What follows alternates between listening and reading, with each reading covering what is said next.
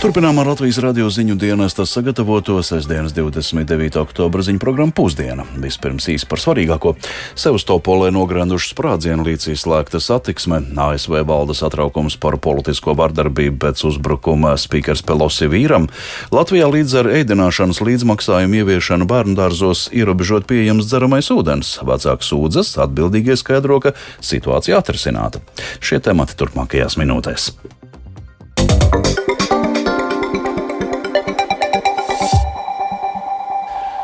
Krievijas okupētās Krimas pussalas lielākajā pilsētā Sevastopolē šodien dzirdami sprādzieni. Okupācijas varas iestādes slēgušas prāmju un kuteru satiksmi jūras līcī pie pilsētas. Tā vēstā vietējie kanāla platformā Telegram, Krievijas oficiālie mēdīji un okupantu pārstāvi. Atbilstoši vienai versijai, Krievijas kara flotes kuģi esot atvairījuši dronu triecienu. Prāmju un kuteru satiksme Sevastopolas līcī slēgta, satiksmi starp pilsētas rajoniem nodrošina tikai autobusi, kā norādījis Krievijas ieceltais Sevastopolas vietvaldes Mihails Razovs. Razvažājevas pilsētā nekādu postījumu nesot.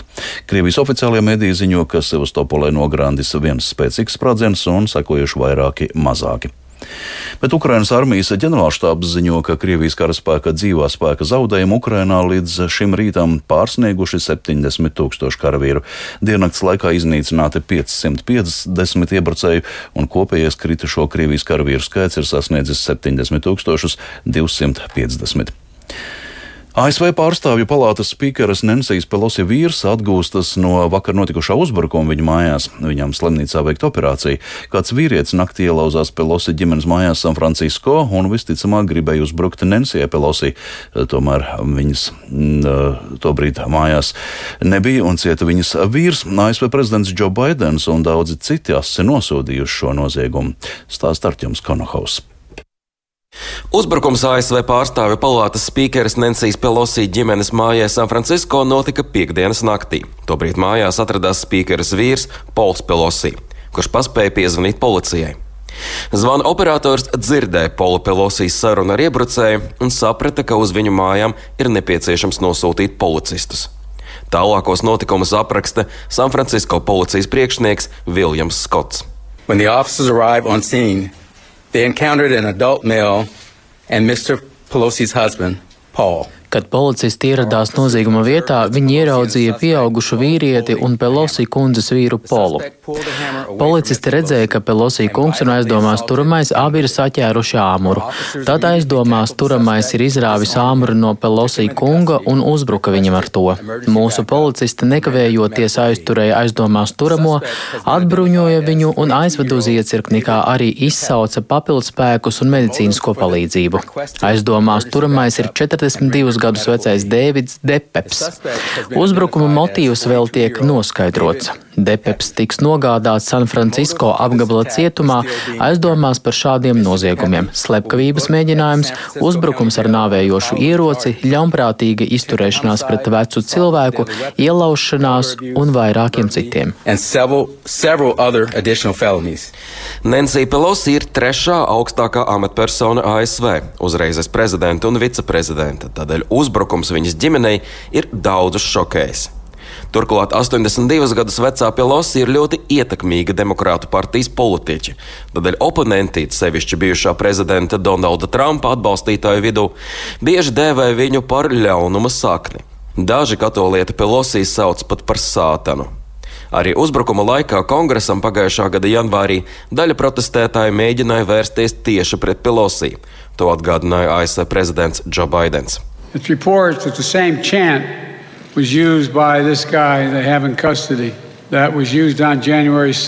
Ziņās parādās informācija, ka arestētais vīrietis izkliedz tos pašus saukļus, kas tika izmantoti 6. janvāra uzbrukuma laikā ASV kongresam. Es to pats neesmu izdomājis, tā tiek ziņots. Sauklis bija, kur ir Nensija, kur ir Nensija, kur ir Nensija. Tas ir nožēlojami. Nekam tādam Amerikā nav vietas. Ir pārāk daudz vardarbības, politiskās vardarbības, pārāk daudz naida. Kas mums liek domāt, ka vienas partijas runāšana par nozagtām vēlēšanām, saukšana tās par meliem un izdomājumu neietekmēs cilvēkus, kas varētu būt nepārāk līdzsvaroti. Vienreiz pietiek. Katram saprātīgam cilvēkam ir skaidri un nepārprotami jānostājas pret vardarbību politikā, neatkarīgi no tā, kāda ir viņu politiskā pārliecība. Vienmēr. Stand up against the violence in our politics, regardless what your politics are. All of us. Uzbrukums Polam Pelosī nu jauna uzjunda bāžas par politisko vardarbību, kas var izcelties ASV novembra sākumā gaidāmo kongresa vēlēšanu laikā. Arcījums Kanahaus Latvijas Rādio Briselē.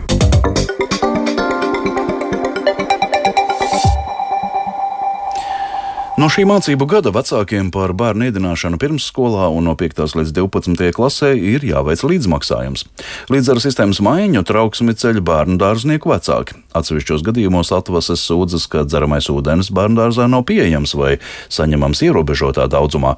Izglītības iestādēs un Rīgas domē nenoliedz, ka mainoties ēdināšanas sistēmai mainījusies arī kārtība, kādā bērnu dārzi nodrošina dzeramo ūdeni, taču noliedz, ka kādā bērnu dārzā ūdenim būtu ierobežota piekļuve.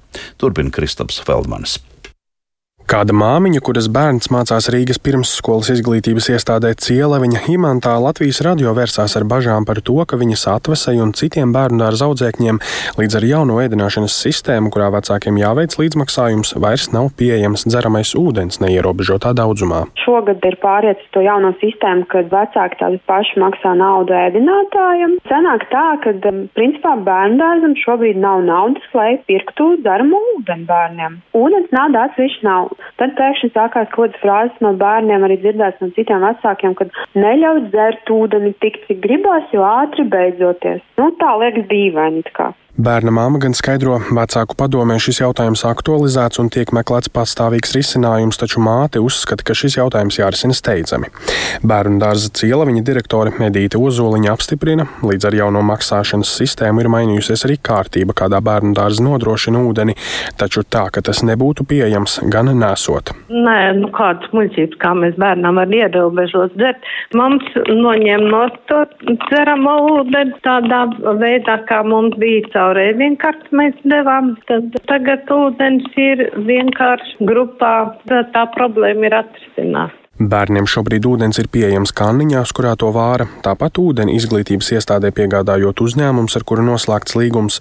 Ozoliņa pieļauj, ka vecāki situāciju varētu pārprast, vai bērni vecākiem varētu būt sūdzējušies par kādu atsevišķu situāciju, piemēram, kad ūdens uz mirkli beidzies, taču tas neiezīmējot kopējo situāciju. Rīgas domas komunikācijas pārvaldes projektu vadītājs Raimons Grants skaidro, līdz ar ēdināšanas apmaksas sistēmas maiņu ir mainījusies arī dzeramā ūdens iegādes kārtība, taču šobrīd bērnu dārziem pašiem ir uzdevums organizēt ūdens nodrošināšanu. Tie varianti šobrīd ir trīs. Piemēram, viņi novieto trauku ar vārītu adresātu ūdeni grupiņas telpās um, vai ierīko atsevišķu krānu ar filtru darbā ūdens ņemšanai vai arī iegādājas to no darbā ūdens piegādātājiem. Tas, kā nodrošināt dzeramo ūdeni grupās, tas ir katras pirmsskolas izglītības iestādes vadītāja lēmums. Tomēr viņi rīkojas jebkurā gadījumā uz ministru kabineta noteikumu, kas pārēdz, ka pakalpojumu sniegšanas vietā dzeramiem ūdenim ir jāatbilst dzeramā ūdens obligātajām nekaitīguma prasībām un tas bērniem ir brīvi pieejams. Tomēr, ja pakalpojumu sniegšanas vietā nevar nodrošināt šo dzeramo ūdeni atbilstoši prasībām, tad pakalpojumu sniedzējs nodrošina bērniem slāpju remdēšanai fasāto dzeramo ūdeni. Grants arī skaidro, skaidroja, šobrīd līdz Rīgas domas izglītības, kultūras un sporta departamentam nav nonākusi neviena sūdzība par dzeramā ūdens trūkumu bērnu dārzos. Grants aicina par šāda veida problēmām bērnu vecākus sazināties ar izglītības iestādes vadītāju. Savukārt, ja šādā veidā situācija neizdodas risināt, vecāki aicināti vērsties Rīgas domas atbildīgajā departamentā. Kristaps Feldmanis, Latvijas radio.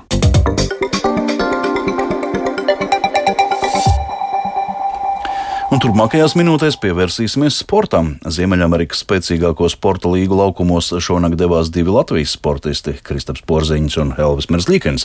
Kā abiem veicās, to pastāstīs kolēģis Reinis Grunspeņš. Sveiks, Reini! Jā, sveiks, ģērbti un labdien, radio klausītāji. Sākšu ar Kristapu Porziņģi, jo viņam šonakt aizvadīta rezultatīvākā no piecām šīs sezonas spēlēm Nacionālajā basketbola asociācijā, taču piedzīvots otrais zaudējums. Washingtonas Wizards ar 117 pret 127 atzina Indiānas Pacers pārākumu. Porziņģis laukumā pavadīja nepilnu 31 minūti, to laikā guva 22 punktus, savāca 6 atlikušās bumbas, izpildīja vienu rezultatīvu piespēli un vienu bumbu pārtvēra. Pēc mača Porziņš atzina, ka bija grūti apturēt pretiniekus no tālās distances pirmajā puslaikā, viņiem tajā iemetot 75 punktus. Klausāmies Kristapa Porziņģi. Them, you know, Mēs viņus novērtējām par zemu. Iespējams, iznācām laukumā pārāk pašpārliecināti, ka tiksim ar viņiem galā. Spēlēt pret šādu komandu, ja tajā aiziet metieni, ir sarežģīti. Otrajā puslaikā jau spēlējām labāk, bet tik un tā ir grūti dzīties pakaļ. Nākamās spēles būs smagas pret labām komandām. Taču, ja vēlamies būt starp tām, mums ir jāspēj ar tām cīnīties un uzvarēt kādu no šīm spēlēm. Domāju, ka sajūta, kāda ir pēc šīs spēles, mums tikai palīdzēs. Tikmēr neveiksmīgi NHL sezonu turpina vārdsargs Elvis Mežģīkins un viņa pārstāvētā Kolumbusas Blue Jackets, kas šonakt ar 0-4 piekāpās Bostonas Bruins komandai. Mežģīkins vārtos pavadīja pirmos divus periodus, kuru laikā atvairīja 25 no 29 metieniem, jeb 86,2%. Trešajā periodā Blue Jackets vārtos jau stājās Krievu vārdsargs Daniels Tarasovs, kurš tika galā ar visiem sešiem Bostonas metieniem. Mežģīkins pēc spēles bija ļoti kritisks kritisks par savas komandas sniegumu.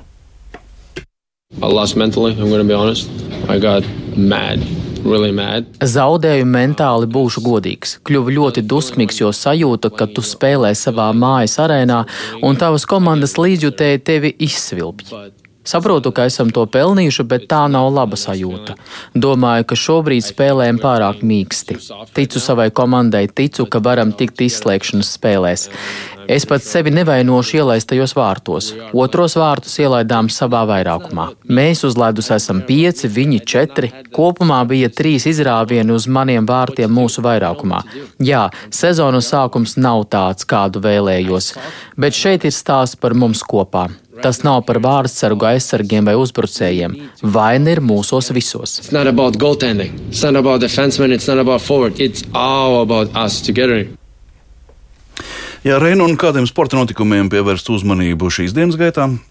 Jā, un šodien eh, Zemgala LLU hokeisti mēģinās eh, revanšēties par vakardien piedzīvoto zaudējumu Somijas pēc spēka otrās līgas mestis spēlē. Eh, tepat Jelgavā atkārtot tiks uzņemta pagājušās sezonas čempiona Imatra Sketera, kurai vakar tika zaudēts ar rezultātu 2-6. Šīs spēles sākums pulksten 5 pēcpusdienā.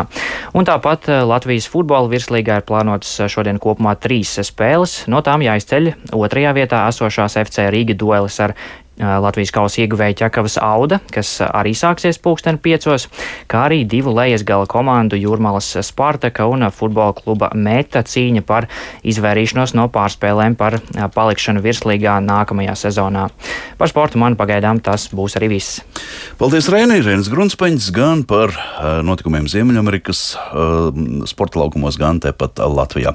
Bet gaidāmajā naktī, 4 no rīta, pulksteņa rādītāji būs jāpagriež vienu stundu atpakaļ kas nozīmē, ka vasaras laiks būs galā un pāriesim ziemas laikā, stāsta Linda Spundiņa. Eiropas Savienības līmenī vienots redzējums par jauniem nosacījumiem attiecībā uz laika maiņu divas reizes gadā vēl nav panākts. Šobrīd joprojām ir spēkā iepriekš apstiprinātā kārtība. Vasaras laiks Latvijā ir spēkā no marta pēdējās svētdienas līdz oktobra pēdējai svētdienai, kas nozīmē, ka arī nākamgada 26. martā atkal notiks pārēj uz vasaras laiku, kas būs spēkā līdz 29. oktobrim. Līdz ar to izskan 29. oktobra ziņu programma pusdiena. Producēja Viktors Pupiks, par labskaņu rūpējās Katrīna Bramberga un Renārs Šteimans, studijā Ģercauzāns. Vēl īsi par svarīgāko. Sevastopolē nogranduši sprādzieni, līdz izslēgta satiksme. ASV valda satraukums par politisko vardarbību pēc uzbrukuma spīkers Pelosi vīram. Latvijā līdz ar ēdināšanas līdzmaksājumu ieviešanu bērnu dārzos ierobežot pieejams dzeramais ūdens. Vecāki sūdzas, bet atbildīgie skaidro, ka situācija situācija atrisināta. Mūsu ziņām var sekot līdzi arī Latvijas Radio 1 Facebook lapā un sabiedrisko mediju portālā LSMLV. Raidījuma atkārtojums meklējams raidierakstu platformā kā dienas ziņas, un Latvijas radio lietotnē mūs var klausīties savā viedtālrunī jebkurā laikā un vietā. Yeah.